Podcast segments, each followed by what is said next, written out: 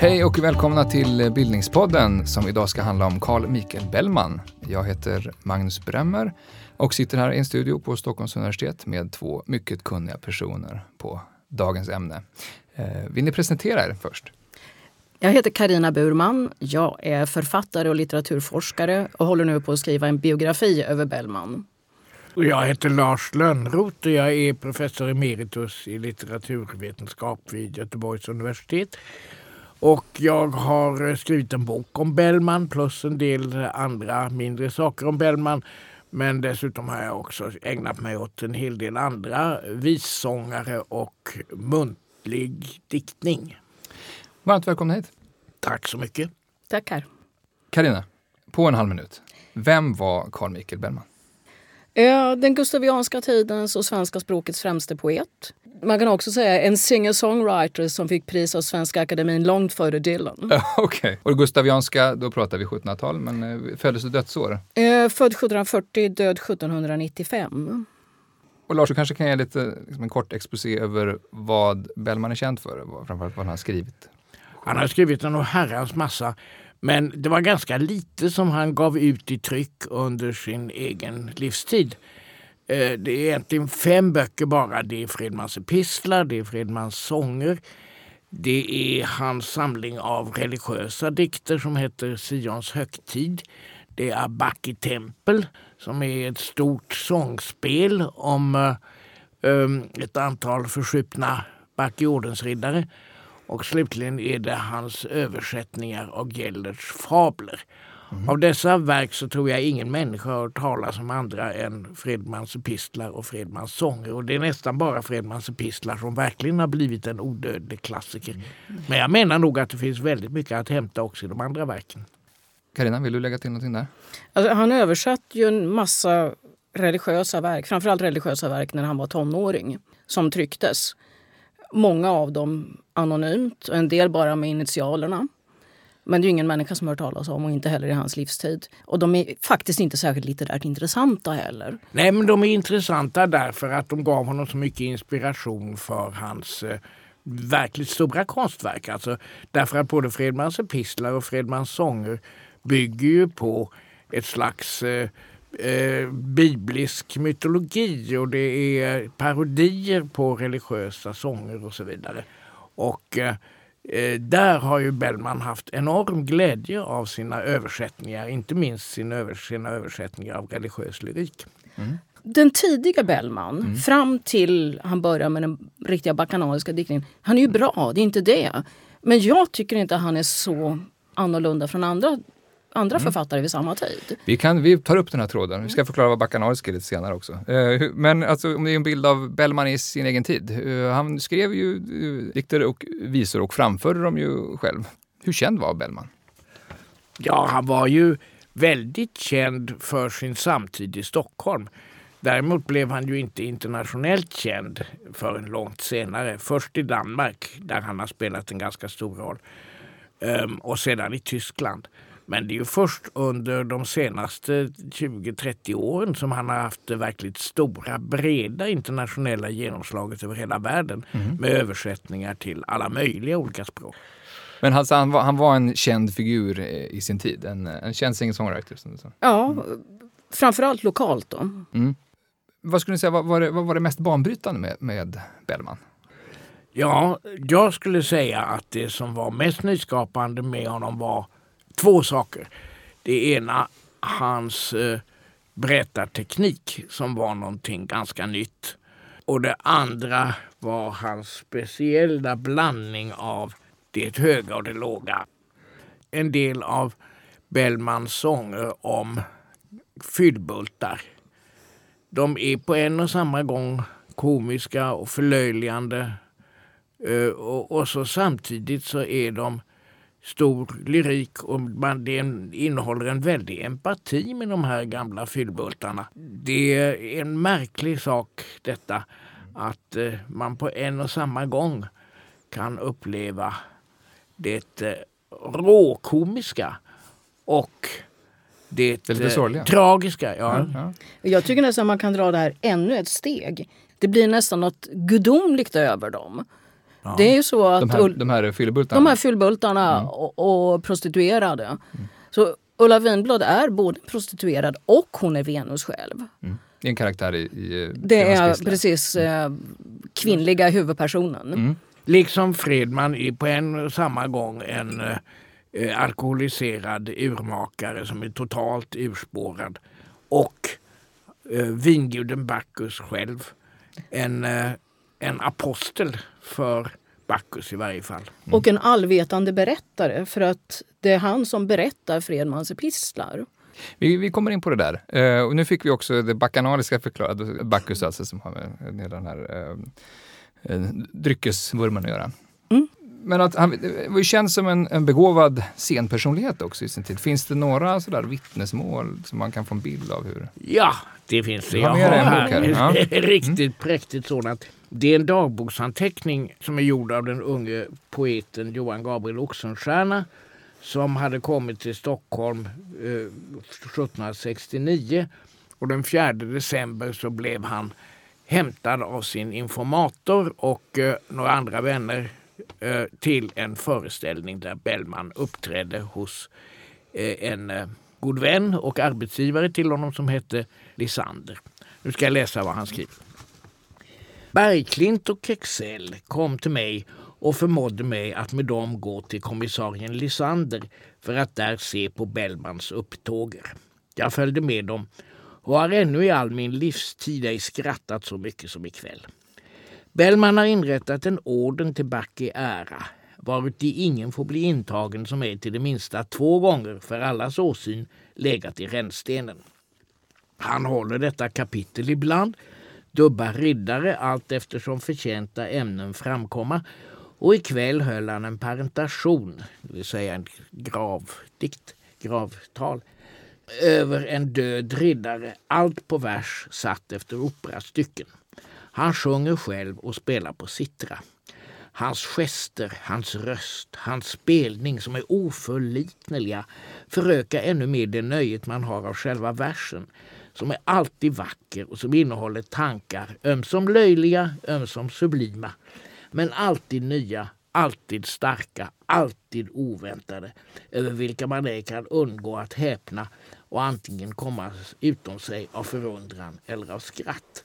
Och sen nästa morgon när han vaknar så skriver han Jag kunde ej väl sova hela natten så uppfyllt var mitt huvud av de löjliga saker som jag såg igår. Stundom under det jag låg brast jag ut i ett övergjort skratt. Så eh, en, en, en, en rolig scenpersonlighet då? Ja, men det, han, Oxenstierna betonar just den här blandningen av det komiska och det, och det sublima. Mm. Så han är oerhört imponerad.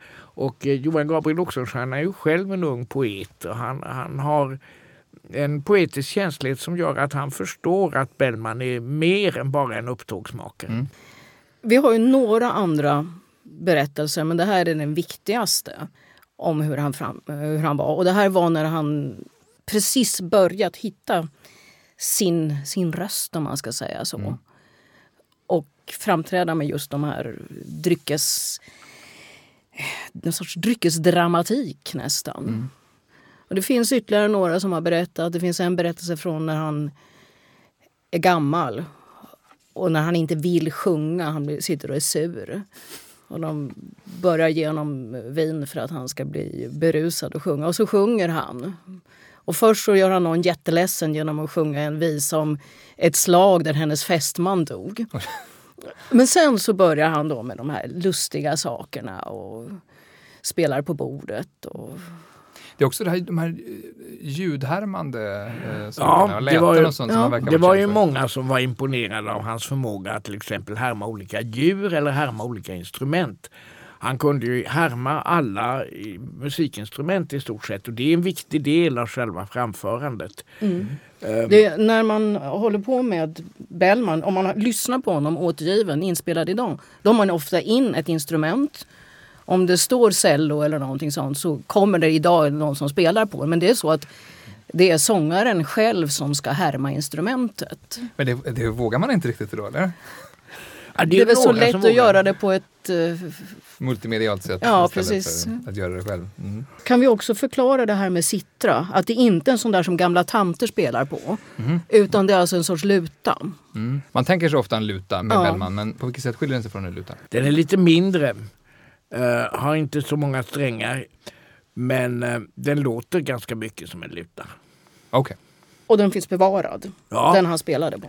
Och den hade han ärvt, det är intressant eh, att notera, från sin farfar som eh, var professor i Uppsala och eh, eh, en mycket lärd herre men också vissångare och som brukade framföra sånger till denna citra. Var finns den er? Den finns på Vitterhetsakademin så vitt jag vet numera. Ja. Ja, det, det finns flera saker också i start vi får återkomma till, som Backegården till exempel, som var ett, ett, eh, sällskap i den här andan. Ehm, men för att liksom få ett lite, lite mer åt persongalleri, vilka personer umgicks eh, Bellman med? Alltså, som kanske är lite mer eh, namnkunniga personer. Ja, de namnkunniga de umgicks han ju med framförallt under eh, senare delen av sitt liv när han hade blivit etablerad. Det var ju sådana som eh, Elis Gröderheim som var kungens eh, sekreterare. Och det var också framstående konstnärer som Johan Tobias Sergel och eh, Elias Martin. I eh, ungdomen så var det väl lite mera blandat. Folk som inte eh, var Nej, speciellt han, kända. han var ämbetsman, han var en ung ämbetsman. Han umgicks med sina arbetskamrater. De gick ut och tog en öl efter jobbet och sådär. Det var, det var inte så. Och, men de här som nämndes i citatet, Kexell och Bergklint. Ja. De hörde ju till kompisarna. De är också författare fast de är inte så kända. Han var inte del av, av eliten, så att säga. Ja, Bergklint var det väl på sätt och vis. Och frågan är om inte också Kexell var det. Eh, Bergklint var ju faktiskt en framstående estetisk teoretiker på sin tid. Skrev traktat om det sköna och eh, medverkade nog också i Backyorden ibland. Samma sak gäller Kexell som ju eh, tillsammans med Bellman var med om att starta eh, som ju är en ännu existerande orden som är ett slags fortsättning på Backyorden kan man säga. Just det, som huserar i, i Bellmanhuset i Götgatsbacken. väl? Ja, det stämmer. Eh, vad skulle du säga är det liksom vanligaste missförståndet om Bellman? Att man tar Bellman för Fredman. Att Ja. man, eh, man, man ser Bellman som en, en av fyllbultarna. Det är en väldigt vanlig fråga. Men han drack väl väldigt mycket. Vilket då alltid leder till att man måste förklara det här med alkohol på 1700-talet. Vi kan ta den biten senare. Ja, okej, ja, vi ska prata mycket om alkohol strax. Men, men han, var, han var inte en klockren fyllebult. Nej, nej, nej. En fyllbult var han nog, eller rättare sagt blev han nog så småningom. Men han var ju ingalunda så alkoholiserad som Fredman eller som de Okej. andra Och- riddarna i Backyorden. Framförallt inte vid den tiden när han skrev Backyorden när nej, han var en nej. ganska ung man. Ja, nej just det. det på stämmer. uppåtgång i samhället. Jo. Sen är det väl också kanske ett eh, misstag som, som i hög grad hänger ihop med det här misstaget. Ja, man ser honom som så oerhört eh, levnadsglad och utlevande. Att man ser honom som en person som eh, har massor av historier med olika kvinnor och så vidare. och så vidare. Det, så var knappast fallet. Fråga nummer två brukar ju vara, men Ulla Winblad, hade hon ett förhållande med henne? Ja, och då måste man också förklara saker. Ja, Jag tror vi som kommer dit. Ja. Ja, men, som att de gestalter han har i Fredmans epistlar, de har ofta förebilder som fanns eller som hade funnits, för en del av dem är döda när Fredmans epistlar börjar. Som till exempel Fredman, han är redan död. Men den kvinna som kallas Ulla Winblad, det finns egentligen, egentligen inga bevis för att Bellman kände henne. Det, de som pratar om det, det är sådär en kvinna på 85 år berättade på 1800-talet om att när hon var fyra år då brukade Bellman och Maria Kristina Källström, som hon egentligen hette, eh, äta stek tillsammans på hennes pappas restaurang. Jag känner liksom källvärdet, nja. Okej. Noll skulle jag vilja Ja. säga. I själva verket så var nog Ulla Winblad, eller Maja Stina som hon hette, ganska irriterad över att eh, få det här ryktet som uh, Bellmans sånger spred. Och hon var inte prostituerad heller. Nej, hon, var en, hon jobbade på fabrik en period. Och hon blev uppenbarligen förälskad i en adlig officer som lovade att han skulle gifta sig med henne. Och så blev hon med barn och det är klart han inte gifte sig med henne. Och barnet dog. Sen var hon gift med en karl som heter Nordström som jobbade vid tullen som tog med henne till Norrköping och uppenbarligen misshandlade henne. Allt tyder på att hon var lättad när han dog i fängelse efter ett fyllebråk. Och sen gifte hon sig med en yngre man och kom faktiskt upp sig lite grann i samhället. Mm.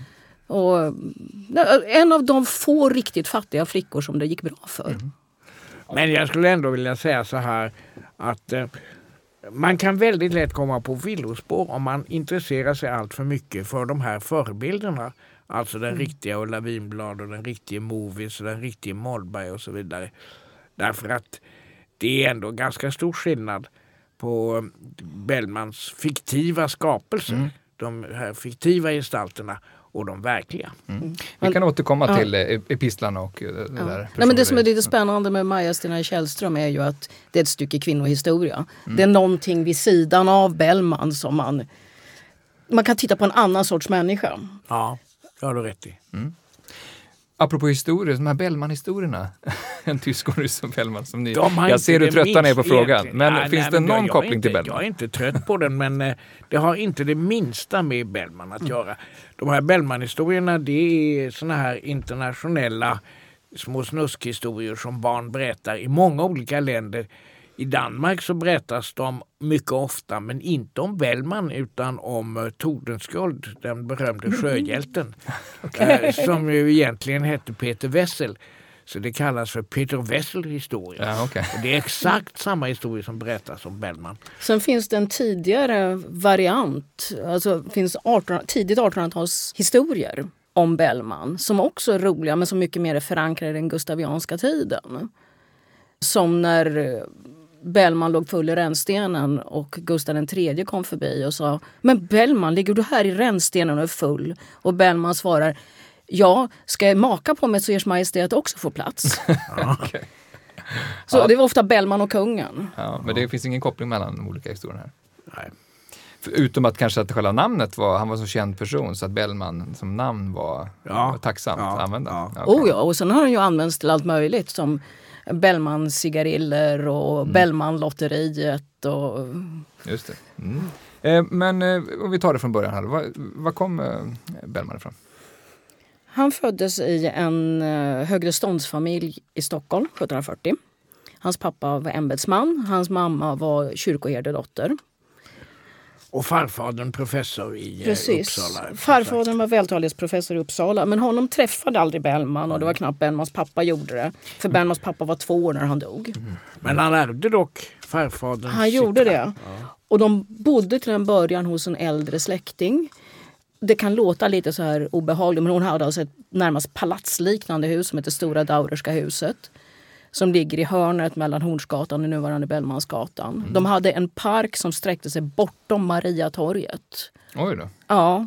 Och det var liksom det tre våningar och de hade gyllenlädertapeter och den här äldre släktingen hade eh, ett spann med svarta hästar som hon åkte ut med. Alltså det, riktigt mycket pengar. Ja, men, men, men Karina, sen hamnade de ju på dekis. Alltså. Ja, det intressanta med familjen Bellman, eller männen i familjen Bellman, är att de uppenbarligen var fullkomligt usla på att sköta pengar. Snart har de flyttat till lilla Daurerska huset som då i och för sig har tio rum men det är lite mindre. Men då har de inte den äldre släktingen med för hon har mm. dött. Men sen blev det liksom allt mer intecknat. De var tvungna att sälja, flyttade på landet för att det skulle vara billigare. Och när pappan dör när Bellman är 25 år gammal då är det bara skulder. De får inget arv. Vad beror det på? Det fanns en vana bland män i ja, högre ståndsmän, eller övre medelklass kanske vi ska säga för att det ska låta modernt, att leva på lån. Många jobb gav ingen lön. Utan man, man gjorde ett arbete och så väntade man på att det skulle bli en lön ledig på att någon annan skulle bli befordrad eller dö. Och det betydde att man tog lån under tiden. Det gjorde mm. även den unge Bellman. Så han gick konkurs när han var i 20-årsåldern. Det intressanta med det här tycker jag är att det här är en viktig förutsättning för Bellmans vidare karriär. Därför att Bellman blir ju liksom tvungen att bli den här stora och framstående underhållaren för att på något sätt ta sig upp ur den misär i vilken hans familj plötsligt har hamnat. Förresten så har jag lagt märke till att det här är egentligen inte något ovanligt. Det finns flera exempel på författare som kommer från en familj som har stått högt uppe i eh, hierarkin men sedan har kommit på dekis och där författarbarnet strävar sedan efter att få tillbaka något av det. Så det handlar Men om att... eh, misär. Alltså de köper ju en herrgård i Sörmland. Ja, ja. Några år innan föräldrarnas död. Alltså båda föräldrarna dör samma år. Så det måste varit ganska omstörtande. hur gammal var Bellman då? 25. Och han bodde hos sin mamma och pappa fram till dess. Så det är inte som många av de andra samtida författarna. De flyttade hemifrån tidigt. De började på gymnasieskolan i stan och fick då bo i någon sorts inackordering. Och så flyttade de till ett universitet långt bort. Men Bellman bor med mamma och pappa. Ja, ute på landet? Ja, på landet. Han Jo, tyckte men- inte om det. Jag på landet trivs sådär. Pyttiheja skrev han. Så det är inte så att den här familjen har dalat så mycket så att han kan bli någon slags gycklartyp, utan här handlar det om att inleda någon konstnärsbana som ska föra dem upp i, i, de högre kretsarna igen. Ja, Ja. För de tidiga tecknen på hans begåvning, så det är de här religiösa dikterna. Och, Och en del tillfällesdikter också. Alltså, Okej. eh, Född och död. Och Han skrev en begravningsdikt över mamman till exempel. Han har skrivit några kungahyllningar till Adolf Fredrik. var det Men- något som publicerades då? ja, men de trycktes som enskilda dikter. Vi har ju en- en del tidiga satirer. En lång dikt som heter Månan som är någon slags politisk satir som är dock ganska svår att tolka vad egentligen det politiska budskapet är i den. Och eh, sen är det då en, en eh, mycket eh, lustig det är ett lustigt deklamationsstycke som heter Tankar om flickors ostadighet. Jaha. Eh, Vad går den ostadigheten ut på? Ja, alltså den går ut på att eh, flickor bara eh, ägnar sig åt att sitta och dricka kaffe och, och flirta. Och de Och sova länge på sova morgonen. länge på morgonen och, och ägna sig åt en massa flärdfulla saker.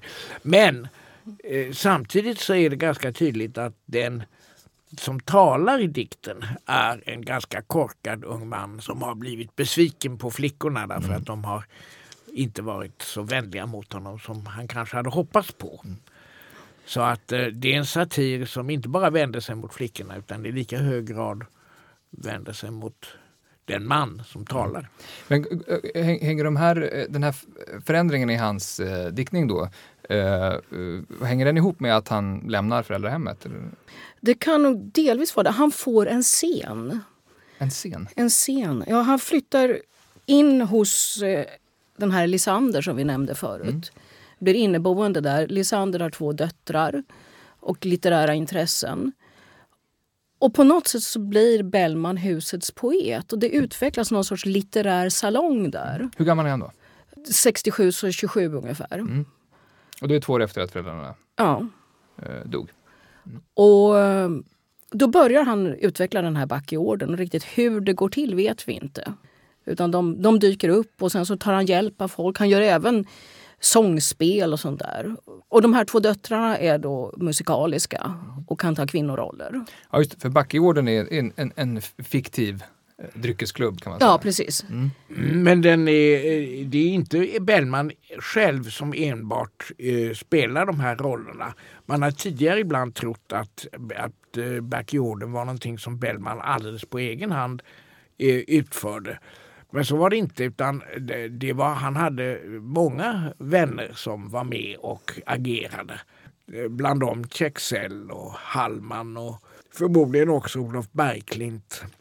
Och eh, så var det de här flickorna Lisander. Eh, och Bellman skriver ju tidigt små skådespel åt dem. Han har skrivit ett, eh, ett, ett hedersspel till exempel som heter Det lyckliga skeppsbrottet som han skrev på 60-talet och som framförs hos familjen Lisander. Och sen så är det då de här Backe eh, kapitlen som också är små sångspel. Mm. Och- Kunde flickorna Lisander ingå i det eller var det en Ja. herrklubb mer? Nej, Ja, ja. var- flickorna var med. Och Eh, den, den var ju inte på riktigt, den var ju på låtsas. Ja. Ja, Jo, men de kunde spela roller Ja. i det här. ja. Jo. Och det som också händer är att både Lisander och Bellman blir arbetslösa under en period. För att man lägger ner det verk där de arbetar. Och så. Bellman får jobb sen. Men Lisander är arbetslös ett, ett tag. Och han ägnar sig åt att skriva ner Bellmans dikter och Backe-orden och allting. Och det här är alltså väldigt, väldigt nära. Det är så nära så att i princip Bellman har sjungit det, han skriver ner det. Och vi har ibland Bellmans egna rättelser i de här manuskripten och de finns alltså kvar. Det, det, är nästan som om vi skulle ha en inspelning, vilket jag tycker är väldigt fascinerande. Men dessutom så har vi ju faktiskt Bellmans egna autografer. Han, han, han, man har bevarat eh, flera stycken sådana här koncept till de här föreställningarna hemma hos familjen Lisander. Mm. Så att man precis, med alltså fullt av eh, ändringar och sådär, skisser. Ja. Och, och eh, där, där kan man faktiskt ganska lätt rekonstruera hur det hela har gått till. Mm. Alltså, mm. Det finns scenanvisningar och allt möjligt. Så det är väldigt eh, användbart om man vill lära känna hur Bellman var som aktör, ja. som underhållare. Men vet vi någonting om uh, Bellman som uh, privatperson? Inte jättemycket. Mm. Inte så lite som om Shakespeare. Där, för med honom så ryms ju det man vet om honom på ett A4-ark. Men mm. Jag tänker mer hans personlighet och, och sådär. Alltså, ja, ja, ja nu, nu kommer det här när jag sänker allting. Okej. Okay. Eh, jag tror Bellman var jättetrevlig. Jag tror han var, i ungdomen i alla fall, en charmig person. Och han var verbal. Han hade en förmåga att improvisera dikter. Uppenbarligen kunde han tänka i rim. Det är klart att en avancerad poet kan rimma. Han var väldigt språkligt begåvad, han var väldigt musikaliskt begåvad. Men tyvärr så är jag uppfattningen att han var inte så himla smart på andra sätt. okay, han var det? ekonomiskt totalt inkompetent. Mm. Och ibland verkar han även som vuxen ganska naiv. Han fattar liksom inte riktigt. Mm det är detta med att eh, skriva om fyllebultar och sånt där. Det, det var ju jättebra. Men han fattar liksom inte riktigt när han ska sluta. I vilka sammanhang saker passar sig. okay. Lite det social avkodning var inte hans Ja, och det, är, det är liksom inte så att han är en eh, avantgardistisk poet som vill eh, säga fula ord i de fina salongerna. Det är inte det. Mm. Utan Nej. det verkar som det är vissa saker som inte funkar. Mm. Men samtidigt är det ju det att han är väldigt förtjust i att spela olika roller. Han älskar att uppträda i rollen som den berusade uh, urmakar Fredman eller brännvinsbrännaren Lundholm som är en av antihjältarna i Backjorden. Och detta förhållande att han så gärna spelar teater det gör ju att han döljer i väldigt hög grad sig själv bakom mm. dessa rollfigurer. Mm. Vi har nästan inga brev som är skrivna av honom som Bellman. Nej. Det är nästan alltid masker. Mm. Ja, han undertecknar gärna sina brev med Movits eller någonting mm. annat sånt. Mm. Så det var alltid egon lite grann? Ja. Olika sidor av ja. personligheten? Men hur, hur kontroversiell var han i, i, sin tid? För han hade väl, han, han uh, hade väl Gustav III lite grann som en beskyddare en tid? Jo, ja, i högsta grad. Bell, kungen älskade ju Bellmans konst. Eh, och det var ju också så att Gustav III använde ju Bellman för sin politiska propaganda. Han, när han eh, lät till exempel Bellman uppträda inför bondeståndet för att där bidra till att kungens politiska idéer fann, fick spridning mm. inom bondeståndet. Och det här retade ju upp en del gamla aristokrater som tyckte hjärtligt illa om kungens politik och betraktade Bellman som en simpel brännvinspoet. Mm. Så det finns en del uttalanden som är ganska skarpa om det här som där, där eh, aristokrater vänder sig dels mot kungen och dels mot Bellman som mm. kungens lakej så att säga. Mm. Ja, han var ju hela tiden obrottsligt lojal med kungen. Mm. Och efter Gustav IIIs död då med den fortsatta kungamakten. Så om man jämför med andra samtida poeter finns det, all, det finns inget subversivt mot kungen hos honom han, verkar, han, han, verkar verkligen ha älskat sin kung så mycket som han mm. säger. Fick vi lite ekonomiskt stöd också? Eller? Det fick jo. han. Kungen stödde honom, många andra stödde honom. Han umgicks mycket i, i litterära kretsar där det nog också var folk som gav honom pengar. Mm. Alltså han kom dit och de umgicks och sen så fick han en dusör. Inte avlöning utan snarare någon sorts under, understöd. Men han, mm. han fick ju en officiell ställning som eh, chef för, eh, för det kungliga lotteriet. Som han ju inte alls skötte utan det var andra som skötte det åt honom. Men det var så att säga den officiella ursäkten för att det skulle strömma in lite pengar till honom. Mm. Mm. Så, vid den här tiden när hans konstnärskap växer fram, vad, vilka är de stora inspirationskällorna? Han har ju många olika inspirationskällor. Eh, dels så knyter han ju an till en gammal eh, dryckesvisetradition som kommer från sådana som Lasse Lucidor och, och Runius. Um, så det är helt klart hans förebilder och han, man kan säga att han utvecklar ju dryckesvisan som genre i högsta grad från det som de har lämnat efter sig. Men sen har vi då dessa religiösa poeter som han på något märkligt sätt blandar med denna dryckesvisetradition. Sen har vi också franska sångare som tydligen har varit hans förebilder. Och sen lite tysk herdediktning också. Ja då, jo då. Som kommer in. Han tar ofta in det pastorala, alltså herdediktningen, mm. I det bakanaliska så de möts på ett ganska ovanligt sätt. Är det inte överhuvudtaget mycket möten mellan olika mm. genrer i hans... Jo. Eh, och det är väldigt mycket antikt också. Ja. Mm. Han, han är inte alls okunnig om den latinska lyriken. Han kan sin Horatius och Juvenalis och flera andra eh, latinska klassiska poeter. Hur vanligt, hur vanligt är det att korsbefrukta olika genrer på det här sättet i den här tiden? Det är ovanligt. Mm. Mm. Så till den grad är det ovanligt. Det är en tid som inte är så förtjust i genreblandningar. Mm. Men det är just det som är hans genialitet, att han förmår att gifta ihop genrer som inte alls var tänkta att giftas ihop på ett sätt som skapar överraskningseffekter och som också blev väldigt populärt också redan i hans samtid. Just därför att genretvånget var så stort under den här tiden. Mm. Och hur, hur, kommer det sig då att han börjar skriva om Fredman och Fredmans epistlar? Hur började det där? Ja, alltså, vi, vi vet egentligen inte hur varför han bestämde sig just för Fredman. Men redan i Bacchiorden så har han plockat upp verkliga människor. Sådana som var på väg att glida ur samhället.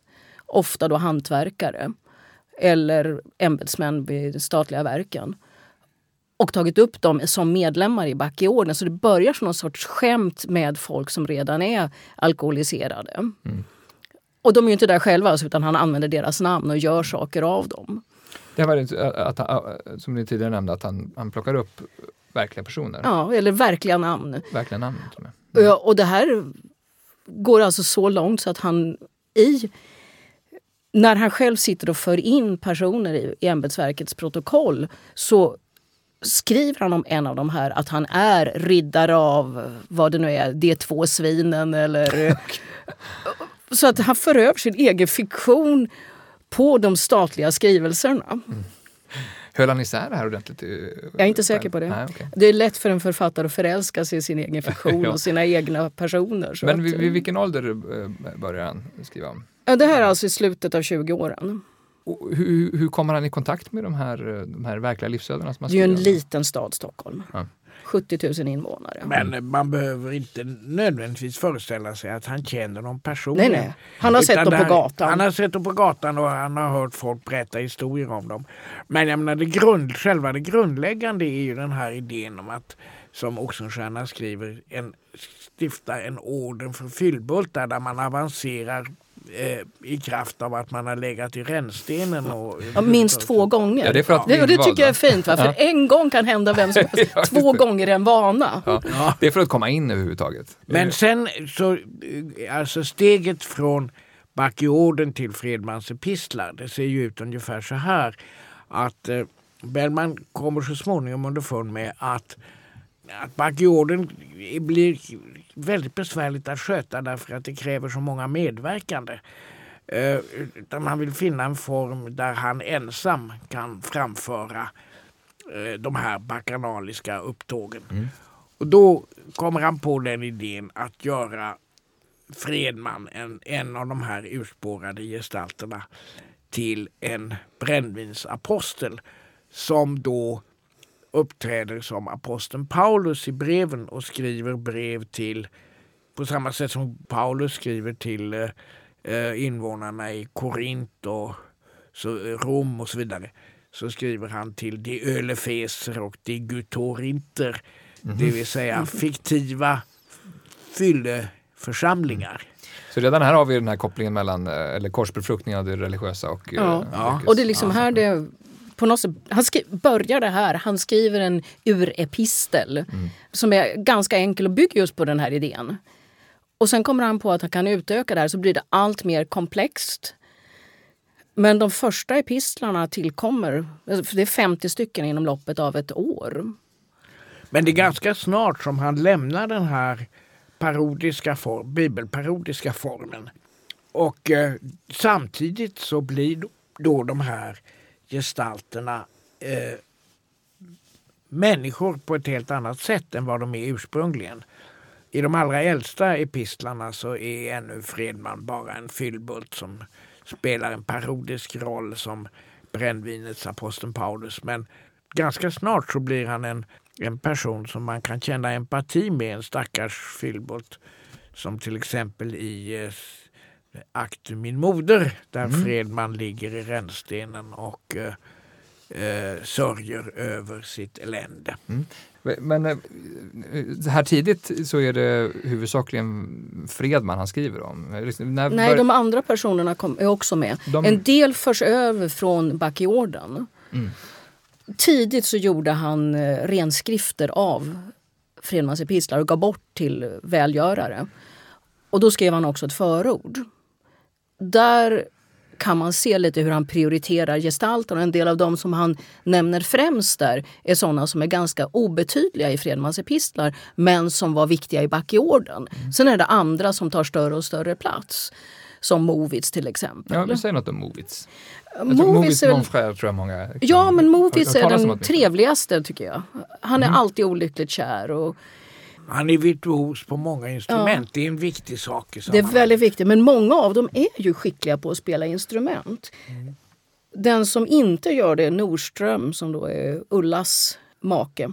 Och eh, det, det noteras särskilt att han inte spelar några instrument. Mm.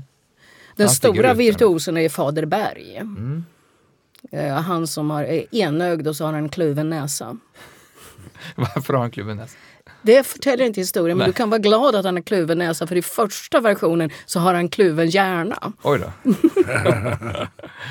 Mollberg då, vem är det? Han är en, eh, en korpral som eh, är från början tysktalande. Han, eh, i varje fall i vissa av de här eh, Backyorden-kapitlen så uppträder han som en tysktalande kommenderande underofficer. Mm. Överhuvudtaget tycker jag det här med tyskan är väldigt intressant. Det finns ju två som talar tysk rotvälska i epistlarna. Jörgen Puckel och Benjamin Schwalbe. Mm. Och Bellmans släkt var tysktalande på faderns sida. Och det verkar som om den här tyskan finns kvar. Pappan bodde uppenbarligen i Tyskland i barndomen. Hans faster gifte sig med två tysktalande män och flyttade till Tyskland.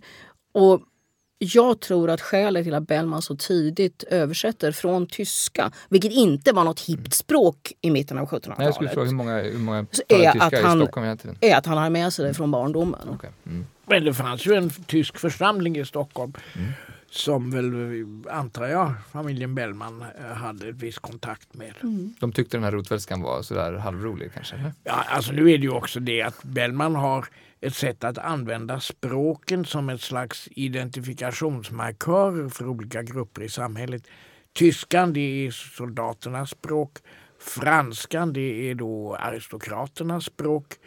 Um, och sen kan det då dyka upp uh, uh, holländare och engelsmän och mm. andra. Och till och med danskar. Danskar, ja. Han kunde inte använt riktig tyska? Väl? Jo, nej, men han, det jag tror är att han, han kan tyska, att han hade med sig det från barnsben. Ja just det, men han, han vill göra någon slags poäng med den här rotvälskan? Eller Det är ett mångkulturellt samhälle. Ja. Han vill skildra olika slags människor. Det är klart det är skojigt också ja. med folk som pratar konstigt. Ja. Det där hör ju till hans förmåga att imitera olika han, han, eh, han är skicklig på att imitera olika djur, han är skicklig på att imitera eh, olika instrument. Han är skicklig på att imitera olika språk, mm. låta som en fransman, som en tysk och så vidare. Och så Ska vi gissa att han också kunde imitera röster? Ja, säkert. Apropå hur det låter, vi kan ju lyssna på en, eh, ett litet utdrag ur en epistel, du min moder. Ack, du min moder, säg vem dig sände just till min faders säng. Du är första gnisten till mitt liv upptänd. Ack, jag arma dräng Blott för din låga bär jag min plåga Vandrar trött min stig. Du låg och skalka när du dig svalka brann min blod i dig. Du borde haft lås och bom för din jungfrudom.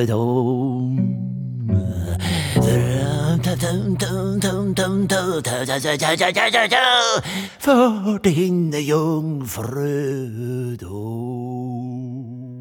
födslosäng Tack för din låga, för din förmåga Ty min gamla far.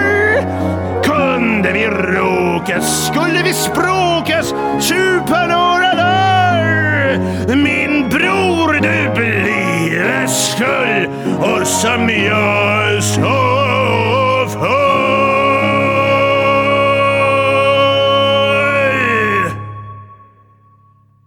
Ja, Ack du min moder ur Fredmans epistlar framfört av Martin Bagge. Vi hörde lite i början och eh, det pampiga slutet här. Eh, vad handlar det om, Lars? Det handlar om att Fredman ligger i rännstenen utanför krogen Kryp in tidigt en morgon. Han är bakfull, han känner sig riktigt eländig.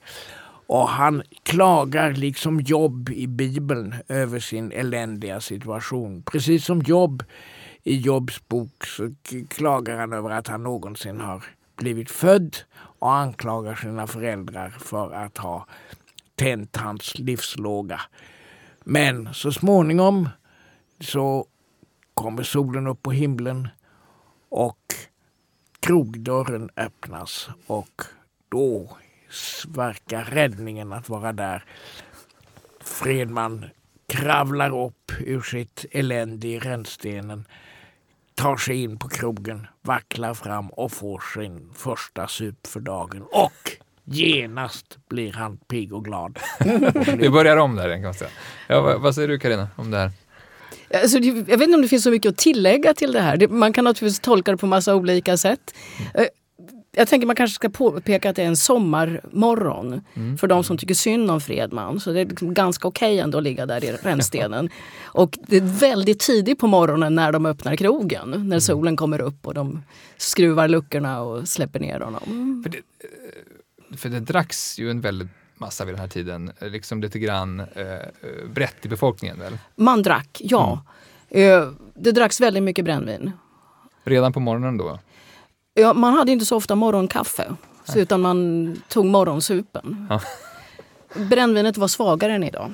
Du Carina har ju skrivit en, en hel bok om Bellman och ölet. Dubbelt öl ger gott humör, ett citat av Bellman som är fantastiskt. Men eh, varför ölet? Jo, det, det började med att eh, jag ramlade på en eh, donation från en bryggeriförening, Mm. bryggarförening. Och då kom jag på att man kunde titta på vad man skrev om ölet på 1700-talet och jämföra det med hur ölet är hos Bellman. Mm. Så den består egentligen av två bitar. Bellman och ölet och den här samlingen. Och sen så lite grann jämförelse. Sticker han ut på något sätt? Ja, på ett sätt. För nästan ingen av alla dessa som skriver om öl eh, i Sverige, Tyskland, England berör berusning. Linné gör det på ett till, vid ett tillfälle.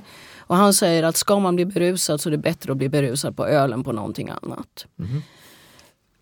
Men jag lärde mig väldigt mycket om öldrickning, att det fanns olika sorters öl. Det här dubbla ölet som då de helst dricker hos Bellman. Det är Ja, det alkoholstarkaste. Just det. Annars var det enkelt öl. Det var, Enkelt öl. Och sen finns det, svagdrick, finns det då ännu svagare spisöl. Mm. Och då är det i princip alkoholfritt. För man, man drack inte vatten. Man visste aldrig vad som hade hamnat i ens eh, brunn. Det kunde ligga saker och ruttna där. Man drack öl, även barn drack öl. Då de här alkoholsvaga varianterna. Vad är det för andra drycker alltså, som han skriver om? Det supen är ju brännvin då. Ja, ja. Och vin. förstås. Ja. Och en del likörer. av olika slag. Och de markerar liksom också lite grann olika tillfällen. Ölet är lite mer vardagligt. eh, Mm, och lite mer maskulint. Mm. Det är bara ett par tillfällen när kvinnorna dricker öl. Det lärde vi oss i avsnitt, vi gjorde ett avsnitt om, eh, om alkoholen, eh, om al al- alkoholens kulturhistoria lite grann som man kan lyssna på. Eh, där Linné citeras och säger Mm. att kvinnor skola dricka söta drycker eller något sånt där. Fast nu är det här med att kvinnorna inte dricker öl, det är någonting som gäller för Bellmans socialgrupp. Mm. Där drack kvinnorna kanske kaffe eller vin. Men i de här grupperna som han egentligen skildrar så drack ju kvinnor öl eftersom det var den vanliga drycken. Man hör ju nästan liksom, fyllan i Martin Bagges framförande här. Eh, är, det troligt att det var så på Bellmans tid också? Så. Jo, eh, alltså eh, det är ju helt klart att Bellman spelar ut. Han spelar teater och han har säkert gjort sitt bästa för att verkligen ge ett intryck av en riktigt djupt sjunken fyllbult i rännstenen när han har framfört det här. Peruken på sned och sådär. Ja, ja, just det. Det låter som parodi på Fyllebulten, men du var inne på tidigare att det, att det finns ett allvar här också? Eller Ja, det finns det. Och det finns ju den här religiösa anknytningen alltså. Eh, Man har säkert, när man hört det här, tänkt på jobb i Bibeln. För att den tidens människor kunde sin bibel på ett sätt vi inte kan. Mm. Överhuvudtaget så bygger ju många av Bellmans bästa sånger på återanvändning av mönster antingen från Bibeln eller från operan. Men va, varför skrev han så mycket om alkohol? Alkohol Ja, alltså- är väl alltid roligt. Ja, Och det var uppenbarligen många som drack på den här tiden, det var ett vanligt problem då. det, det finns ju massa olika skäl. Dryckesvisor var vanliga. Bellman skrev massor av skålvisor och måltidssånger som man sjöng när man åt och där han tackar värdinnan och sånt där. Men det här verkar ju, det Och- här är någonting annat. Ja, och det här är någonting annat. Men just alkoholen och förtäringen av alkoholen är urgammal inom litteraturen. Redan grekerna faktiskt skrev ju om att dricka. Horatius gjorde det också. Alltså det som ju gör berusningen till ett så tacksamt ämne för en poet är ju att det ger möjlighet till att vara visionär. Eh, och det är ju Fredman ibland, till exempel i uh, den här uh, uh, Blåsen nu alla som skildrar Ulla Vinblad som Venus i sin prakt. Där är det ju så att denna prostituerade kvinna som har ett ganska taskigt liv får man säga. Hon framstår i Fredmans berusade vision som kärleksgudinnan själv. Och det ger honom möjlighet att bre på riktigt ordentligt med en fantastisk paradisisk Är det nästan, vision. nästan hallucinatoriskt? Ja, ibland? ja, Mm. ja. Det kan ju också vara den poetiska yran som Ja, ja. driver fram där. För att, och det, det tycker jag är en, en av de fantastiska sakerna med Fredmans epistlar. Hur det på något sätt blir gudomligt. Vi slår igenom realismen och går ut på andra sidan. Om vi, det då beror på sprit eller på att det är så förbaskat bra poet så är det alltså en uppenbarelse. Kan, det vara, kan det vara både och? Uppenbarelse och hallucination? Det kan vara väldigt bra dikt. Ja. Det fanns ju ett begrepp inom dåtidens estetik som kallades för den poetiska entusiasmen. Mm. Det var eh, flera franska estetiker som hade skrivit om detta.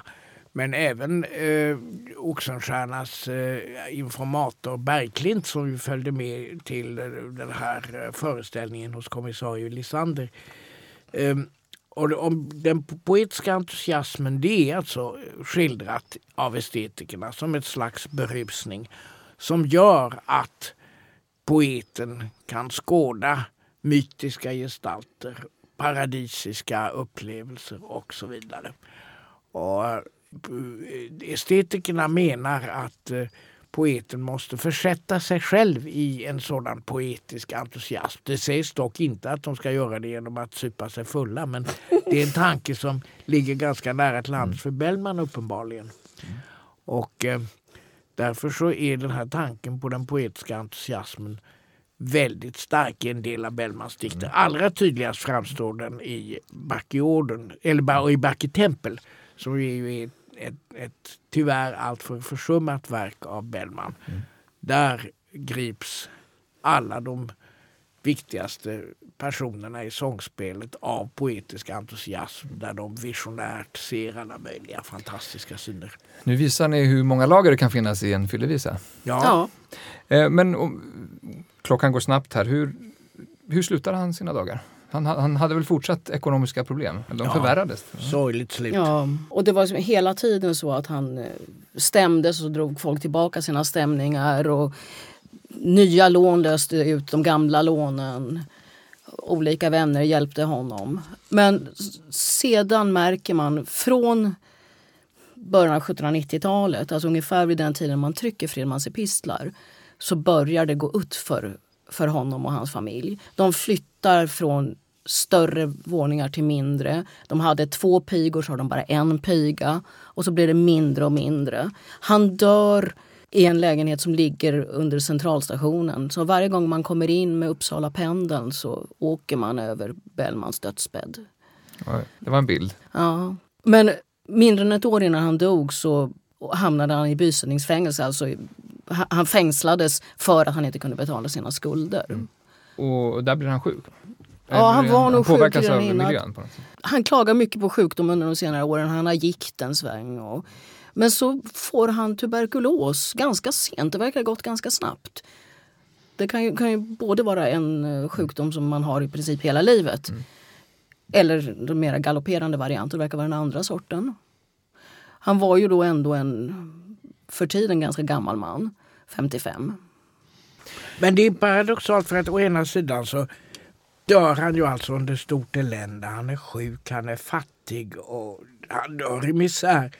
Men ändå så börjar han ju nu bli erkänd som en stor diktare. Och eh, vid hans begravning så dyker ju Svenska Akademin upp. Han kommer aldrig själv in i Svenska Akademin men de är ändå där och hyllar honom. Musikaliska akademin är också där och, och, och många... Fabrikoll. Fabrikoll Ja, det naturligtvis. Ja, Mm. Men det var ju vänner som fick betala för begravningen. Det fanns inte pengar till den. nej. Så, så eh, han dör ut fattig men uppburen som diktare. Ja, Ja, och han blir det ju mer och mer efter sin död. och eh, det kan också vara så att Alltså Fredmans epistlar publiceras ju 1790 så det är ju mer än 20 år efter att han började skriva dem. Och Och det det, kan, det är fem år före hans död. Ja. Mm. det kan nog vara så att de kom lite sent. Att han var väldigt inne på 70-talet, slutet 60 början 70-talet, när de här precis skrevs. Men att han sen har blivit känd för andra saker, kanske som kungens poet och så. Och så när de kommer så är de inte riktigt inne. Det är lite för mycket av 70-talets eh, utsvävande kultur. Det börjar bli lite min, mera... Upplyst. Nej, nej, nej. Det, jag tänkte inte alls säga upplyst. Jag tänkte säga att det börjar bli lite mera eh, åtstramat i och med romantiken. Med en striktare sexualmoral och så. Eller i och med förromantiken. Och sen under romantiken, alltså säg 20 år senare, 25 år senare, då blir han uppburen. För då ses han som en naturgeni. Den obildade poeten som bara hasplade ur sig det här. Och där börjar hans... Eh, Precis, och sen annekteras av manskörer och hela alltet. Om man nu som lyssnare känner att den här Bellman vill jag bekanta mig med närmare. Liksom, vad, vad, vad skulle ni rekommendera att man eh, började? Jag skulle föreslå att man skaffar sig den stora utgåvan med, eh, av, av CD-skivor som har kommit på Proprius förlag för en del år sedan. Där samtliga Fredmans epistlar och sånger finns insjungna av Sveriges främsta trubadurer och eh, sångare. Och en del väldigt oväntade. Som till exempel Povel Ramel som Ja. gör epistel nummer ett. Ja. Han ändrade på numreringen hela tiden. Så den första är en, en introduktion som, med prosaparti. Sant vad det är, ingen dricker. Och Povel Ramel gör detta. Povel Ramel gör det jättebra. De Eh, finns ju också på diverse streamingtjänster och Ja, digitala alltså- Ja, man vill in, inte hela men det finns ju en del epistlar på olika slag. Man kan gå med i Bellmansällskapet. Man kan gå in på Bellmansällskapets hemsida. Man kan gå in på Litteraturbanken där det finns hur mycket Bellman-material som helst. Litteraturbanken.se och där ligger det samlade verk. Ja, standardupplagan kallas den. Och det ligger även till exempel handskrifterna från Lisander ligger där. Mm. Och sen då om eh, så här ett och ett halvt år så kan man läsa min biografi. Mm. Och så kan man också göra? gärna läsa min bok om Ja. Bellman som heter eh, Ljuva karneval och som framför som det är inte en biografi. Nej men den är eh, jättebra. Eh, Den eh, skildrar framförallt Bellman som aktör, som estradör. och Hans föreställningar och hur denna förmåga att framträda Mm. har betytt mycket för poesi. Om ni skulle välja en sak att läsa, exempelvis på litteraturbanken.se, eh, har ni någon?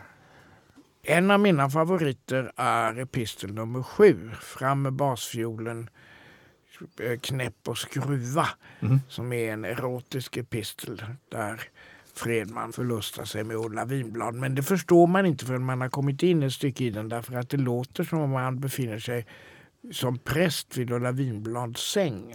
Mm.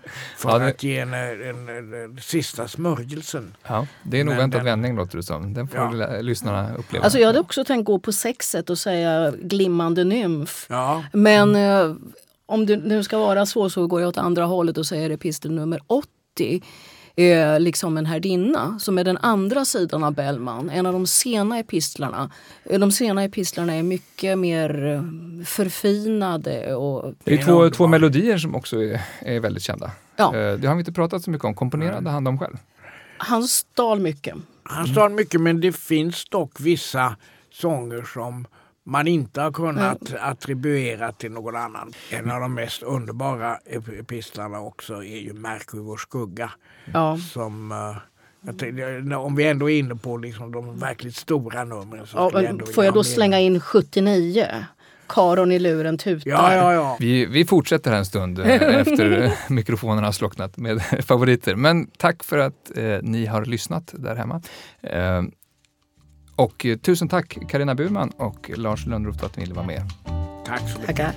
Vi är tillbaka om ett par veckor igen. Tack, hej! Du har lyssnat på Bildningspodden, en podcast från humanistiska fakulteten vid Stockholms universitet. Podden spelas in på Språkstudion och tekniker är Henrik Nordgren.